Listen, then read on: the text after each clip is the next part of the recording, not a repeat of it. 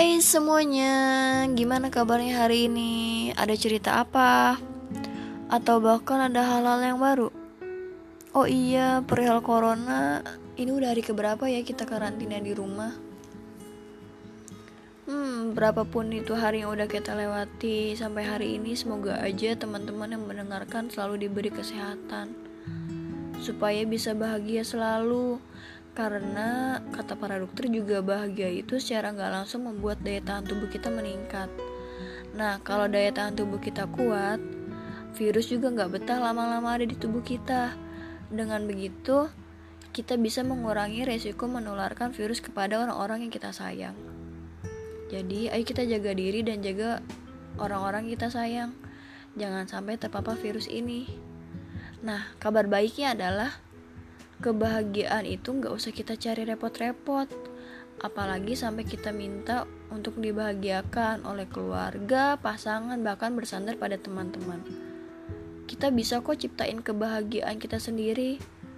Bahkan kata-kata orang bijak sih, bahagia itu emang asalnya dari diri kita sendiri, bukan dari orang lain. Kenapa kita memilih untuk meminta dibahagiakan? Bukan malah memberi kebahagiaan. Ayo, enakan mana? Diberi kebahagiaan atau memberi? Kalau aku sih inginnya memberi aja. Kan berbagi sama yang lain. Hmm. Oke, malam ini aku hadir lagi ya. Nah, niatnya untuk menemani kalian yang mungkin aja lagi nungguin balasan dari doinya atau lagi nungguin chat disuruh bobo sama doinya nungguin doinya lagi main game sama teman-teman tongkrongannya. Atau bahkan lagi nungguin doinya teleponan sama pacarnya. Nah sebelum ngobrol lebih jauh lagi, aku ingin mengucapkan banyak terima kasih untuk teman-teman yang sudah mempersilahkan telinganya untuk mendengarkan suaraku ini. Suara kita. Ya walaupun obrolan yang akan dibicarakan nanti masih obrolan-obrolan yang cukup sederhana sih tapi ya apa pun itu, besar harapanku semoga cerita ini, kisah ini, dan podcast kita malam hari ini bisa mewakili kisah banyak orang juga dan suara hati orang-orang yang lain. Amin. Nah, sebelumnya aku mau nanya nih sama teman-teman.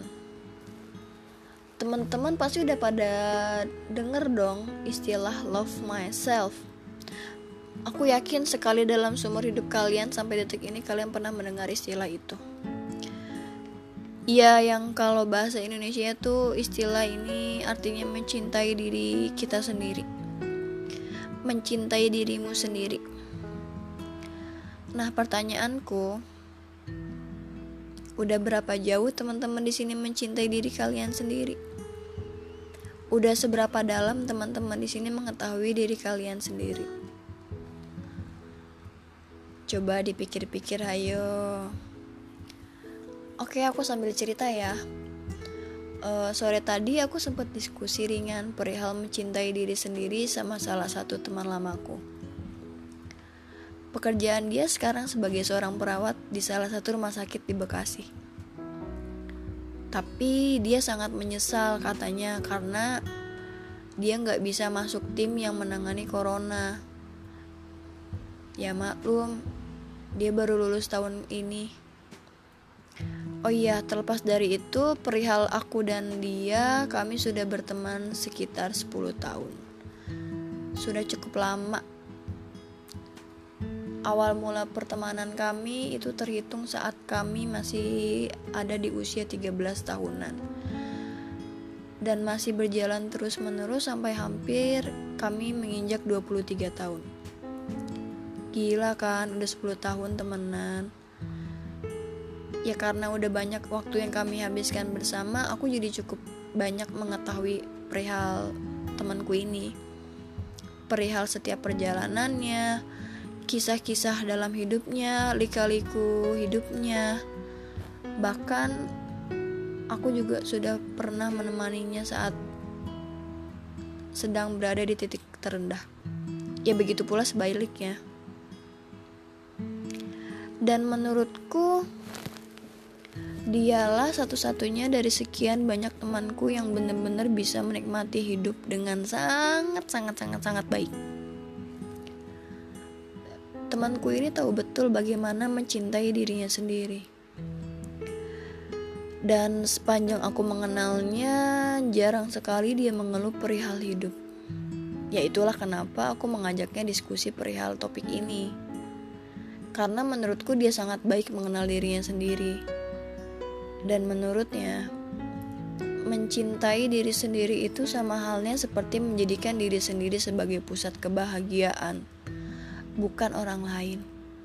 Tapi berkaca dan termotivasi oleh orang lain untuk hal-hal yang baik juga sebenarnya sih perlu. Bukan berarti harus di nomor satukan. Nah, menurut seorang praktisi psikologi, Margaret Paul PhD, mendefinisikan bahwa mencintai diri sendiri itu sama halnya dengan menghargai diri sendiri tentang penerimaan diri, penguasaan diri, dan rasa hormat kepada diri kita sendiri. Perihal memahami nilai diri sendiri tentang apa yang sebenarnya ada dalam diri, bukan hanya semata-mata melihat dari penampilan fisik atau performa diri aja, dan secara garis besarnya nih, mencintai diri sendiri itu berarti menghargai diri sendiri dengan kelebihan dan segala kekurangan yang kita miliki. Hal-hal yang mendasar banget gak sih? Tapi jangan salah loh, hal-hal yang mendasar ini bisa jadi kekuatan paling hebat dalam melangkah dan menjalani hidup yang lebih baik lagi ke depannya. Terus ya, seberapa penting sih kita harus mencintai diri kita sendiri? Oke, untuk pertanyaan ini aku dan temanku sepakat bahwa kami memilih mencintai diri sendiri itu sangatlah penting. Apalagi di usia kami yang udah menginjak 20 tahunan. Yang sebenarnya di usia ini tuh hidup udah bener-bener ada di titik tersulitnya sih. Bahkan gak sedikit loh orang-orang yang berusia 20 tahunan mengeluh perihal hidup ya karena emang berat juga kalau dirasa-rasa. Apalagi usia-usia ini kan sering banget tuh disebut orang-orang sebagai usia peralihan. Di mana jatuh bangun bahkan sampai keinginan untuk bunuh diri sering kali muncul saking beratnya masalah kita. Nah di titik seperti inilah kita membutuhkan diri kita sendiri. Yang kita butuhkan bukan orang lain loh. Bukan pacar atau bahkan teman. Tapi emang murni diri kita sendiri. Untuk apa? Ya untuk bangkit dan bangun lagi. Masa iya mau kalah gitu aja sih sama hidup? Coba bayangin, kalau kita nggak mencintai diri kita sendiri dan bahkan nggak mengenal siapa diri kita ini, gimana caranya kita bisa bangun lagi? Gimana caranya kaki kita bisa kuat lagi? Yang ada, malah mudah goyah ke sana kemari nantinya. Intinya sih sekarang kita harus bisa temuin diri kita sendiri dulu. Dan sedikit cerita yang aku rasain saat aku menemukan diriku, aku jadi tahu aku akan lebih mudah menemukan apa yang seharusnya aku perbaiki. Bahkan sampai ke bagian-bagian mana yang seharusnya aku buang dalam hidup. Dan apa yang harus aku lakukan untuk tetap berdiri tegap dan kuat. Ya, hal ini bukan berarti ber berbagi cerita ke orang lain itu salah ya. Sah-sah aja untuk berbagi cerita dengan orang-orang yang kita percaya. Gak salah kok. Dan sesekali juga untuk meminta pendapat dari teman, pasangan, atau bahkan keluarga itu bukan hal yang buruk. Itu malah hal yang baik untuk sebuah pertimbangan agar kita nggak salah memilih langkah. Contoh kasusnya menjomblo. Mungkin beberapa teman-teman di sini ada yang masih betah nih dengan kesendiriannya. Ya nggak apa-apa, tapi jangan sampai dihujat-hujat juga loh. Apalagi sampai dibilang gak laku. Kita kan manusia, bukan barang dagangan. Tapi mungkin jujur aja, ada beberapa dari kita yang udah memiliki pasangan dan tanpa sadar, kita hujat teman kita sendiri yang masih menjomblo tentunya. tanpa tahu alasan mereka menjomblo tuh karena apa ya enggak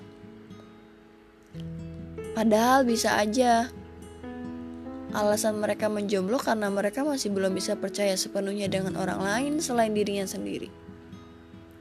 Seperti contohnya temanku setelah beberapa kali mencoba dan akhirnya berpisah di persimpangan jalan, temanku ini akhirnya memutuskan untuk sendiri dulu. Dengan alasan gak mau terlalu besar berharap sama orang lain, apalagi terkait kebahagiaan dirinya. Karena menurut dia, bahagianya ya milik dia dan bersumber dari dirinya sendiri.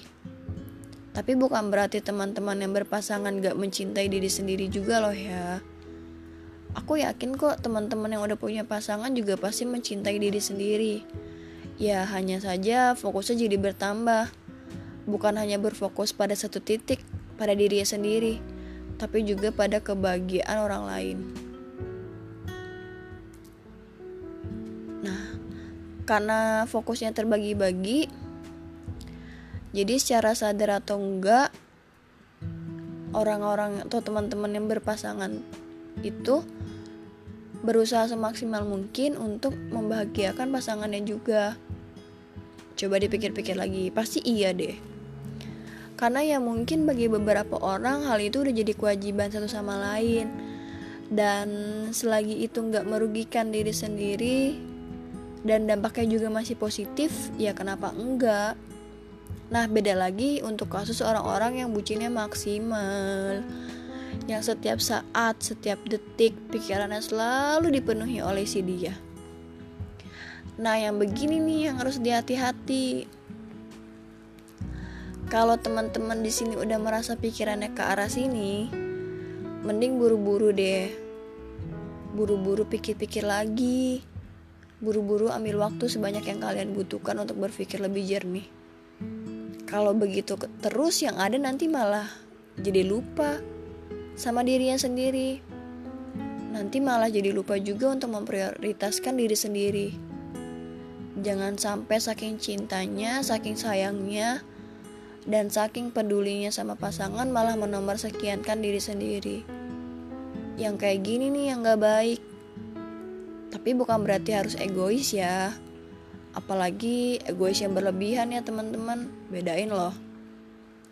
Oh iya ngomongin kebahagiaan kalau kita ukur kebahagiaan itu dari gelas ukur kita, itu akan lebih mudah kita menemukan kebahagiaan itu sendiri tanpa harus lihat atau bahkan membandingkan dengan gelas ukur milik orang lain. Kalau kita lakukan segala sesuatu dimulai dari diri sendiri, dan tentunya tujuan utama untuk diri sendiri, maka secara sadar atau enggak, aura positif yang keluar dari diri ini akan berdampak baik juga loh untuk orang lain dan orang-orang di sekitar kita. Jadi, sesulit apa pun hidup yang kita lalui, bahagia kita itu kita yang nentuin, bukan orang lain. Jadi, jangan lagi-lagi ya memberatkan tanggung jawab kepada orang lain untuk membahagiakan kita. Aku yakin semua orang juga pasti ingin punya kisah yang sangat sempurna dalam hidupnya dan sesuatu yang perfect untuk dirinya sendiri.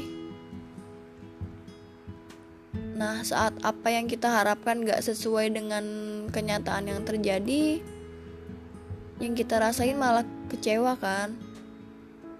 Berawal dari sini rasa insecure muncul. Kita jadi suka bandingin diri kita sendiri dengan orang lain dan kalau dampaknya bikin kita jadi termotivasi dan jauh lebih bersemangat lagi ya nggak apa-apa. Itu dampak yang positif dan dampak yang bisa membangun. Lah kalau kebalikannya gimana? Gimana kalau kita malah semakin merasa nggak bisa apa-apa? Ah gue mah gini-gini doang. Ah gue nggak bisa apa-apa. Gue nggak kayak dia. Gue nggak seperfect dia. Gue nggak sepintar dia. Gue nggak ada apa-apanya dibanding dia pasti pikiran-pikiran itu bakalan muncul dengan sendirinya. Apalagi kalau kita lihat teman seukuran atau teman sekelas, teman-teman main yang umurnya nggak jauh beda dari kita udah sukses semua ya emang sih sukses kan relatif teman-teman yang kita lihat udah bisa beli mobil sendiri beli rumah daftarin orang tuanya ibadah haji pasti malah bikin kita ngedown.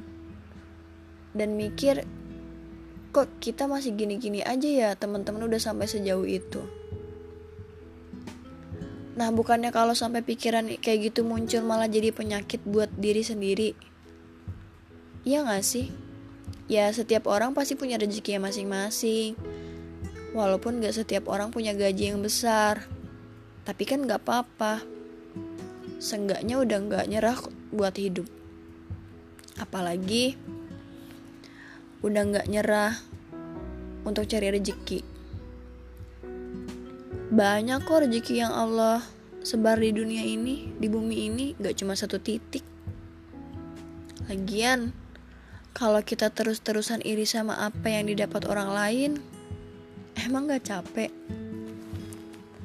Emang kita tahu di balik kesuksesan orang-orang itu mereka udah lalui apa aja? Emang kita tahu hal apa aja yang udah mereka korbankan untuk ada di titik kesuksesan sekarang? Kita tuh nggak tahu apa-apa perihal perjuangan orang. Yang kita lihat cuma kaki kuatnya aja. Tapi kita juga lupa kalau kaki itu udah berapa kali diinjek bara panas. Udah berapa kali kakinya terkilir? Udah berapa kali coba jalan tertatih? Kita nggak tahu sepenuhnya hidup orang gimana, dan kita pun nggak tahu seberapa besar perjuangan orang lain. Iya kan? Nah, alih-alih menghakimi kesuksesan orang lain, kenapa kita nggak hargai dulu prosesnya? Dan untuk diri kita sendiri, kita bisa kok kerjain apa pun itu pekerjaannya yang sesuai dengan kemampuan yang kita miliki masing-masing. Memaksakan diri sekali-kali sih nggak apa-apa. Buat tamparan diri kalau hidup itu nggak gampang dan butuh perjuangan. Tapi jangan terlalu memaksakan juga. Apalagi kalau sampai dampaknya negatif ke diri sendiri. Ini hidup kita sendiri loh. Kita harus dan wajib pakai kaki kita sendiri Jangan terlalu lama bersandar pada teman sana sini. Apalagi jadi benalu untuk orang tua. Pokoknya jangan sampai mengandalkan sepenuhnya. Setiap orang punya kesuksesannya masing-masing. Pasti deh, hanya aja waktunya yang berbeda-beda. Yang penting sabar dulu aja. Dan yang harus diingat adalah alih-alih meminta dibahagiakan orang lain, kenapa kita nggak bahagiain diri sendiri aja? Lalu kita yang membahagiakan orang lain. Lebih enak kan? Lebih enak membahagiakan dong daripada dibahagiakan. Kalau aku sih pilih poin yang kedua.